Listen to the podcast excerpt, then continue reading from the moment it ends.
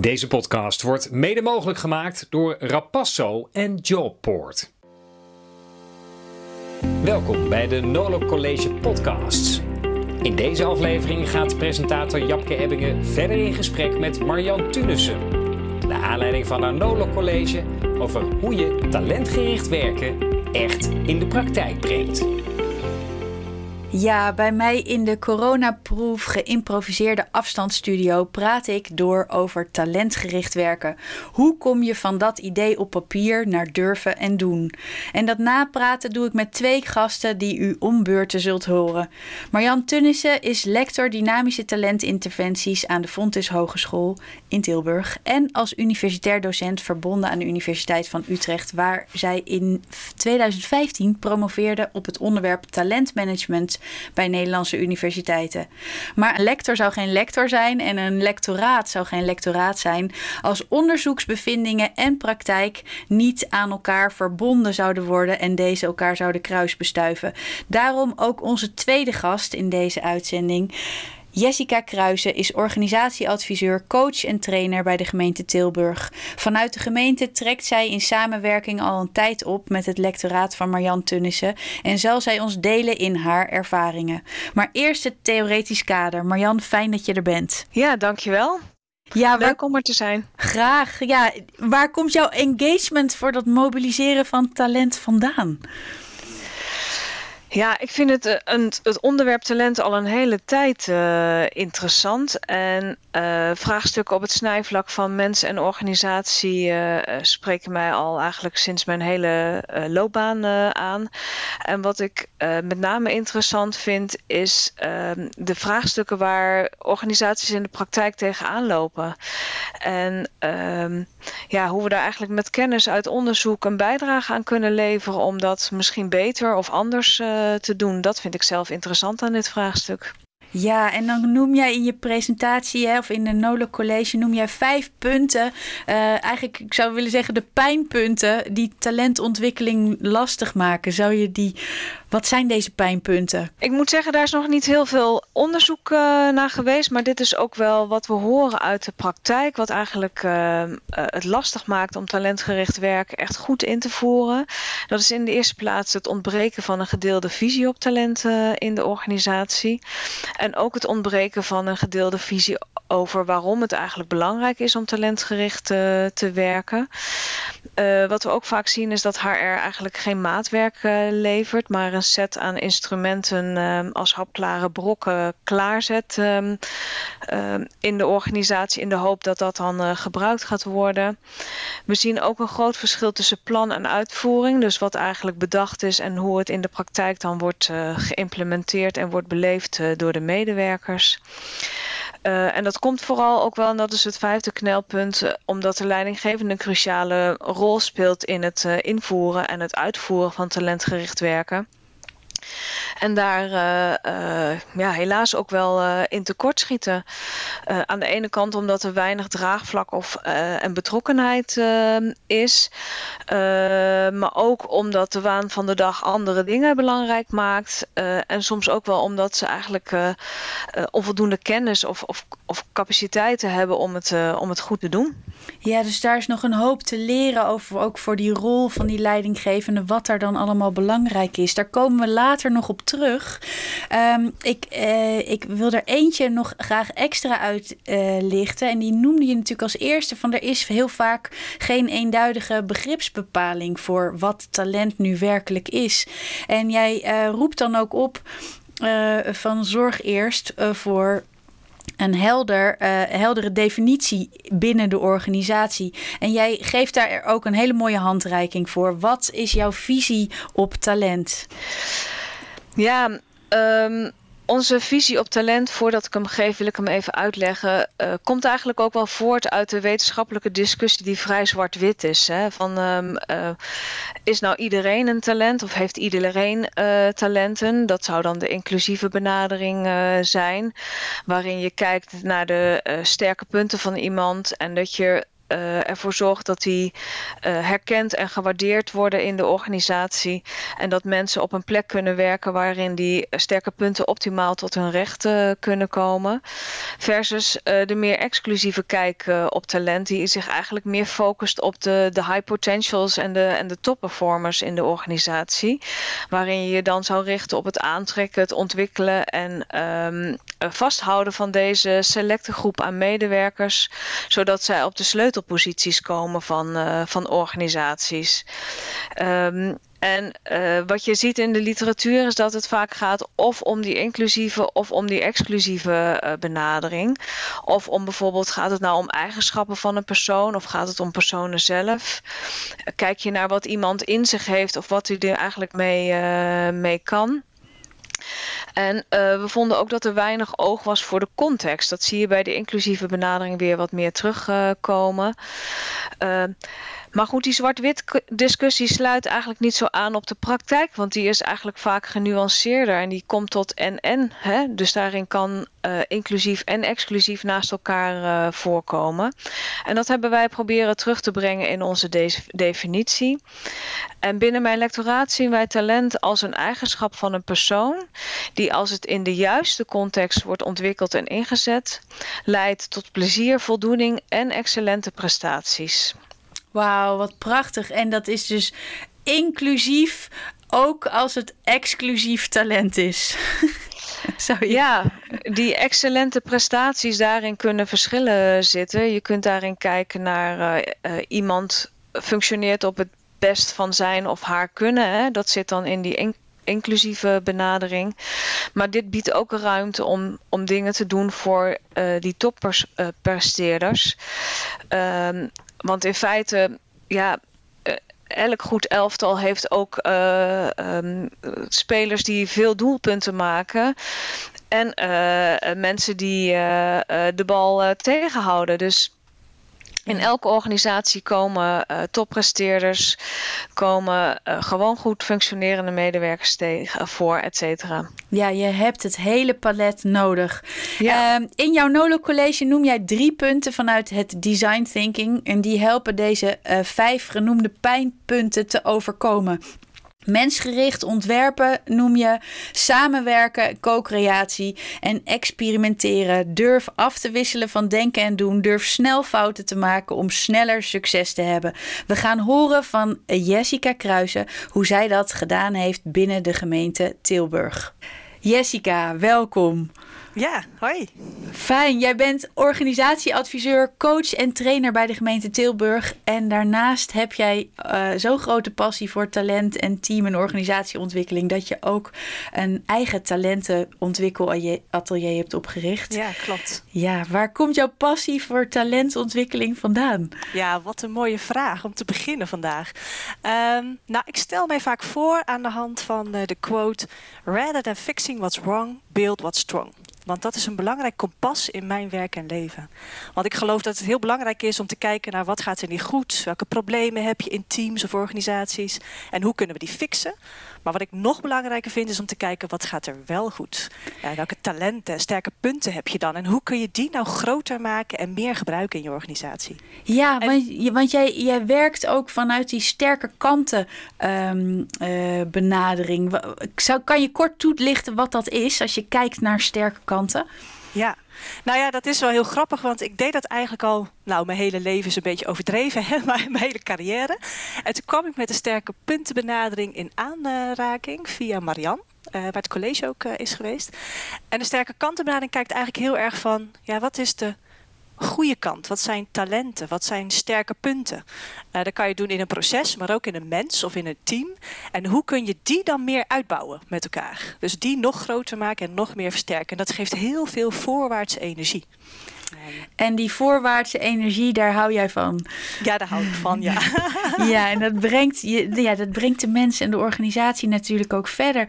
Je, je schetst het al, je kwam dus door die sterke kanten, kwam je met, uh, door Marjan Tunissen kwam je daarmee in aanraking. Ja. Um, Wat was de wens op het gebied van talentontwikkeling binnen de organisatie, binnen de gemeente Tilburg waar jij werkt? Ja, ja dan moeten we eigenlijk een stukje terug in de tijd. Want wat wij zagen was dat uh, ja, de maatschappij verandert razendsnel. Hè? We hebben nieuwe manieren van samenwerken, andere rollen ook ten opzichte van de stad en onze partners. En dat vraagt echt andere dingen van onze medewerkers. En wat we zagen is dat dat redden we niet met een aantal mensen daarvoor opleiden. Um, dan moeten we echt gaan kijken van hoe kunnen we de talent in onze organisatie meer inzetten daar waar de opgave erom vraagt. En dat hebben we toen in onze visie op uh, leren en ontwikkelen verankerd. Uh, en daar zijn we mee aan de slag gegaan. En ik las al bij de gemeente Tilburg dat het dan ook gaat over ja, die inclusieve stad. Ja. Die inclusieve ja, stad waar, je iedere, waar iedere inwoner telt en waar er dus voor iedere inwoner ook een plekje ja, een plek moet zijn en ja. op de arbeidsmarkt. Ja, mooi um, hè? Ja, een van de dingen die Marjan natuurlijk eh, nou ja, als, als pijnpunt eigenlijk benoemt, is dat het begint al, de moeilijkheid bij talentontwikkeling begint al bij de definitie. Ja. Hè, dus wat is nou eigenlijk talent? En heeft iedereen, heeft iedereen talent? En uh, dat je eigenlijk met elkaar eerst als organisatie uh, het eens moet worden over de definitie van talent. Hoe hebben jullie dat gedaan? Ja. Goeie vraag, want dat is echt bij ons ook wel een, uh, een ding geweest. Want wat ik heel verhelderend vond aan het onderzoek van uh, Marianne... is het onderscheid tussen exclusief talentmanagement en inclusief talentmanagement. Ja. En op dat exclusief talentmanagement deden we al jaren uh, van allerlei mooie dingen. We hadden een, en hebben nog steeds een potentieprogramma. Dat is uh, voor aankomende leidinggevenden om hun klaar te maken om een leidinggevende positie in te nemen. Maar ook voor medewerkers hadden we een Tilburgs talententraject. Maar dat richt zich op een heel klein groepje mensen, op de high potentials van je organisatie. En er werken bij ons 2000 mensen. Ja, en het zijn 2000 mensen met wel potential, maar niet ja. allemaal high potentials. Zo is het, ja. ja. En dan is het ook nog maar de vraag, want ik zie iedereen als een potentiële high potential uh, Mooi. Binnen jouw kennis en kunde. En binnen jouw talenten en, en kwaliteiten die jij meegenomen uh, hebt uh, vanaf de geboorte en daarmee aan de slag bent. En dat is ook het bruggetje wat we hebben gemaakt naar die inclusieve benadering. Dus wij hebben nog steeds een exclusieve talentmanagement um, programma. maar daarnaast zijn we vanuit de inclusieve talentmanagement benadering begonnen met hoe kunnen we nou alle talenten van onze mensen beter benutten. vanuit de, de gedachte dat iedereen heeft talenten en die ontwikkel je in de loop van de jaren. En afhankelijk van de context waarin je zit, je functie of het team, kun jij ze laten floreren en laten bloeien. En uh, ja, toen zijn we eigenlijk begonnen met de pilot samenwerken vanuit talenten. Wauw, en toen zei je begonnen met een pilot. Dus ja. dat klinkt als uh, uh, klein begonnen. Ja, ja. ja, want we hadden natuurlijk die mooie kapstok, hè? Uh, wat ik net zei, dat wij de talenten van onze organisatie wilden inzetten op de opgave. Nou, dat is natuurlijk fantastisch. En wat je vaak ziet is dat er dan in organisaties eerst begonnen wordt met een heel beleidsplan, talentenontwikkeling of een programma. En dat hebben wij eigenlijk niet gedaan. Wij zijn gewoon met een aantal teams die dat wilden aan de slag gegaan, samen ontwikkelen um, en het gewoon gaan proberen. Wauw, is dat ook de sleutel? Want ik, ik vraag me af, hoe creëer, hoe creëer je dan? Hè? Het staat dan op de agenda. Het staat op de politieke agenda. Op ja. de, dus het wordt, eh, daar wordt het allemaal gedragen. Maar hoe creëer je dan dat talentklimaat? En is dit een van de belangrijke sleutels, Jessica? Ja. Dat je onderop begint of bij de teams begint die er zin in hebben? Ja, daar geloof ik echt heel erg in. Ik, bedoel, ik heb het natuurlijk ook zelf gezien. Um, want op het moment als je begint bij een paar kleine teams die daar zin in hebben. Uh, wat, ik, wat wij zagen gebeuren is, we hadden er in het begin drie of zo geloof ik. Maar dat groeide al heel snel naar meer aanvragen. Want andere teams zagen, hey, dat werkt. Dat willen wij ook. Uh, en zo is er eigenlijk een soort zwaankleef aan ontstaan. Waar, ja, ik zeg dan altijd wel eens, dan ontstaan er een soort van kleine oerknolletjes. Uh, tussen teams, waarbij ze zeggen: hey, dat wil ik graag ook. Uh, en zo hebben we eigenlijk, uh, een, nou, niet iedereen in de organisatie, want 2000 mensen is heel veel, maar wel heel veel teams inmiddels al een traject doorlopen. Wauw, en hoe, wat zijn, dus jullie zijn van onderop begonnen. Ja. Zijn er nog meer dingen te zeggen over hoe jullie te werk zijn gegaan? Hè? Dus eerst de, de definitie, daar ja. hebben jullie goed naar gekeken. Daar ja. hebben jullie het inclusieve aangevuld op het exclusieve. Um, van onderop begonnen zijn er nog meer dingen uh, die, die die fijn zijn om te weten. Ja, ja, die daarin geholpen nou, hebben. ja, wat we, uh, we hebben, bij ons was dus die primaire focus op die samenwerkende groepen. Uh, die teams. Maar ondertussen zijn we ook in ons MD-programma met leidinggeven aan de slag gegaan. Hè? Van welke rol heb je daar dan in en hoe stuur jij daar dan op? Uh, we zijn ook aan de slag gegaan met het uh, doorontwikkelen van onze gesprekkencyclus. Dus je HR-instrumentarium erop aanpassen. We hadden nog een hele ouderwetse functionering en beoordelingssystematiek. En die hebben we omgebouwd naar de continu dialoog, zoals wij dat noemen. Wat veel meer focus heeft op, nou ja, op wat zijn jouw talenten en hoe kun je die inzetten. En waar ik echt in geloof, hè, is dat je dat dus heel agile doet. Dus ik kon jou 2,5 jaar geleden, toen we dit zo, of bijna drie, dit zo inzetten, had niet precies een planning wanneer we wat gingen doen. Maar we zijn eigenlijk heel tijd die verschillende knoppen van individuen, van teams, van uh, managers, van HR, telkens aan elkaar gaan verbinden en kijken wat is er dan nu nodig om de volgende stap te zetten. En heel organisch dat proces meegevoerd ja. door alle lagen van de organisatie. Hè? Ja. Wat je schetst, individueel, team en, uh, en, en in, in, in olievlekkend naar de andere ja. teams toe. Ja. Um, wat vraagt dit van een leidinggevende?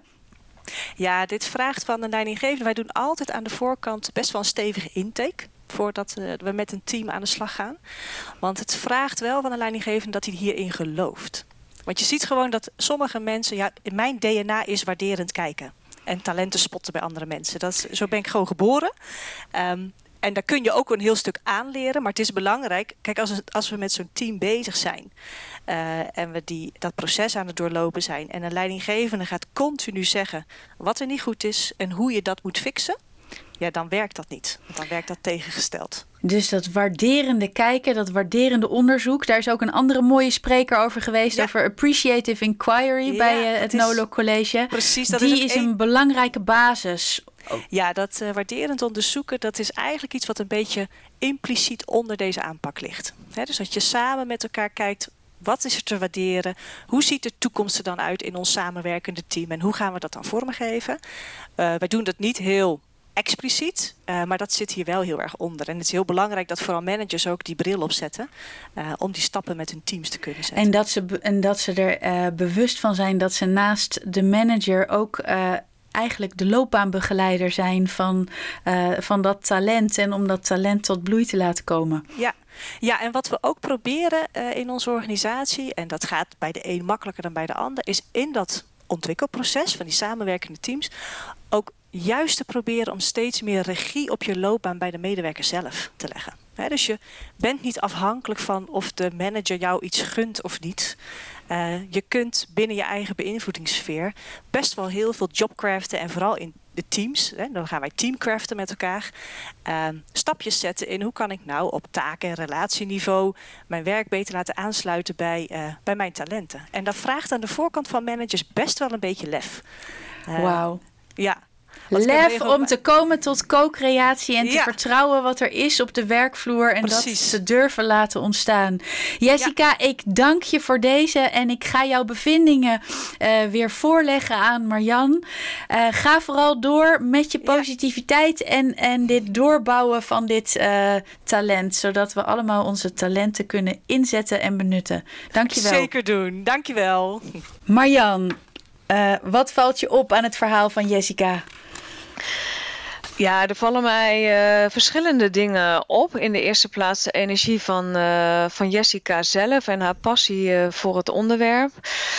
maar wat me eigenlijk ook heel erg opvalt is de term voorwaartse energie die zij gebruikt.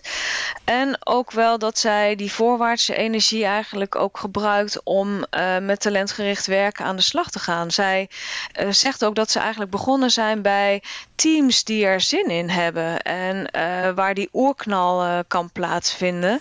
Wat mooi, die oerknal. Ja, ja en dat, dat, uh, dat, dat, dat valt me op aan het verhaal van, uh, van Jessica. Dus het begin daar waar de energie uh, zit. Het tweede wat me opvalt is dat ze ook wel zegt... wij, wij zijn niet één ding gaan doen. Wij zijn op, aan verschillende knoppen uh, gaan draaien. Aan die visie, aan die teams, aan die gesprekken. Um, en op die manier uh, valt dat als soort van radertjes allemaal in elkaar en werken we aan uh, een andere manier van werken in, in de organisatie. En die rol van die leidinggevende valt me natuurlijk weer op. Ja, want uh, is, het is dus de gedragenheid door alle lagen heen. Want dan mm, ga je echt voor een brede talentmobilisatie. He, dan, wordt het echt, dan komt er echt beweging. En dan wordt die ook duurzaam. Uh, en wat valt je op weer aan die rol van die leidinggevende?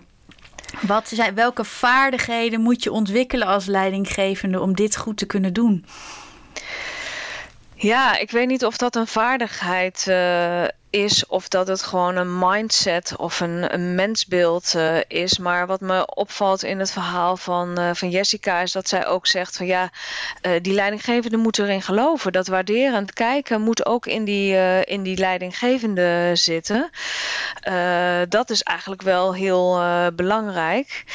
En ehm, wat ik daar ook nog wel aan toe zou voegen is dat. Um, je, uh, je bent natuurlijk wel leidinggevende van een team, uh, maar je bent vooral ook mens en collega. Hè? Dus je moet niet boven iemand staan, maar naast iemand gaan staan. En ook een sponsor zijn, een mentor in iemands loopbaan. En samen gaan kijken van uh, hoe kunnen we nou die sterke punten van jou verder tot ontwikkeling brengen.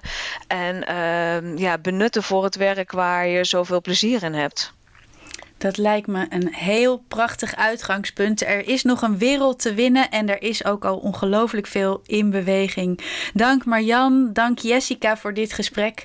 Wil je meer weten over dit onderwerp of je als professional verder bekwamen hoe je talent in je organisatie kunt mobiliseren en welke aanpak daarin voor jou als mens en als organisatie het beste past? Lees het boek Talent mobiliseren dat Marjan Tunnissen schreef samen met Peter Bos.